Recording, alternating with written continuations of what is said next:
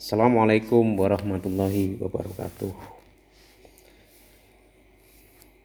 Episode kali ini saya ingin membahas tentang Khulafaur Rasyidin yang bernama Utsman bin Affan radhiyallahu taala anhu.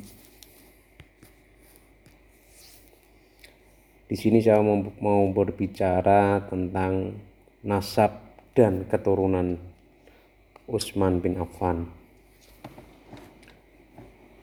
Utsman bin Affan bin Umayyah bin Abdusi Syams bin Abdu Manaf bin Qusay bin Kilab bin Murrah bin Ka'ab bin Luwai bin Galib bin Fihir bin Malik bin An-Nadir bin Kinanah bin Huzaimah bin Mudrikah bin Ilyas bin Mudar bin Nizar bin Ma'du bin Adnan.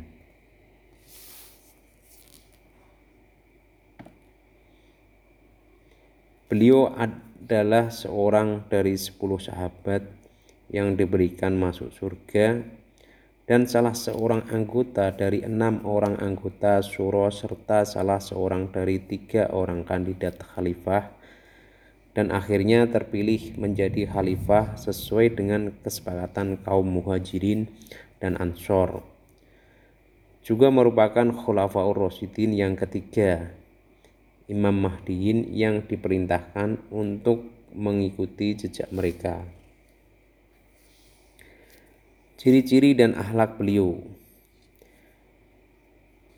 Utsman bin Affan adalah seorang yang rupawan, lembut, mempunyai jenggot yang lebat, berperawakan sedang, mempunyai tulang persendian yang besar, berbahu bidang, berambut lebat, bentuk mulut bagus yang berwarna sawo matang Dikatakan pada wajah beliau terdapat bekas cacar.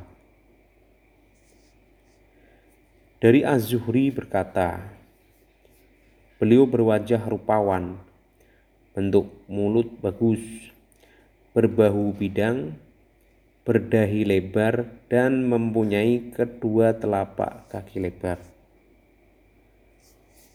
Beliau memiliki akhlak yang mulia, sangat pemalu, dermawan dan terhormat, mendahulukan kebutuhan keluarga dan familinya dengan memberikan perhiasan dunia yang fana.